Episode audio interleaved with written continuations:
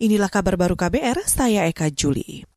Menteri Keuangan Sri Mulyani Indrawati menyebut uji coba vaksin corona yang dilakukan oleh perusahaan farmasi Amerika Serikat, Pfizer, dan BioNTech membawa sentimen positif bagi pemulihan ekonomi di seluruh dunia.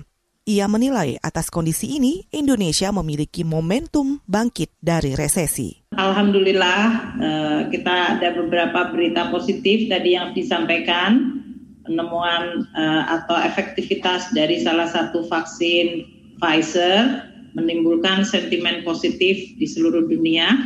Kemudian hasil dari pemilu di Amerika Serikat uh, juga diharapkan bisa menimbulkan uh, juga sentimen positif. Uh, dan tentu saja di kita sendiri juga melihat Indonesia adanya momentum uh, pembalikan atau turn around dari ekonomi kita.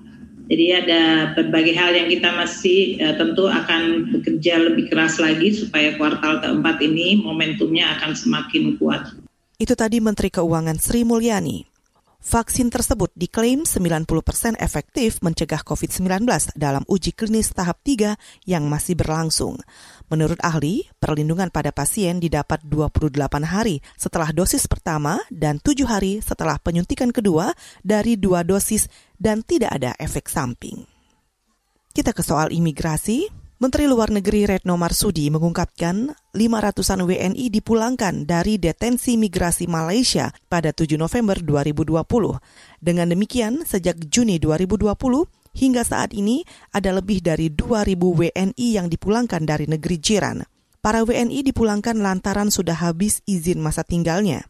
Warga negara asing yang telah habis masa tinggal diharuskan tinggal di detensi imigrasi. Menteri Retno juga menuturkan pemulangan para WNI dari detensi imigrasi sebagai upaya mencegah mereka terpapar virus corona. Menurut Retno, pemulangan para WNI dari sana dilakukan melalui jalur udara dan dilaksanakan sebanyak lima kali. Kita ke berita olahraga.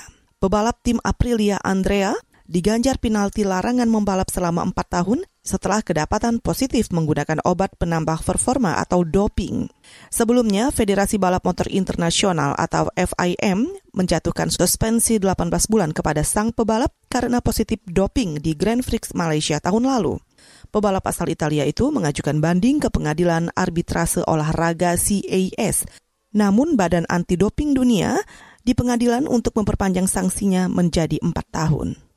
Dalam keterangannya, Tim Aprilia Andrea mengatakan dia dinyatakan positif secara tidak sengaja lewat daging yang terkontaminasi. Namun dalam pengadilan, ia tidak membeberkan tempat dan waktu saat ia makan daging tersebut. Saudara, demikian kabar baru. Saya Eka Juli.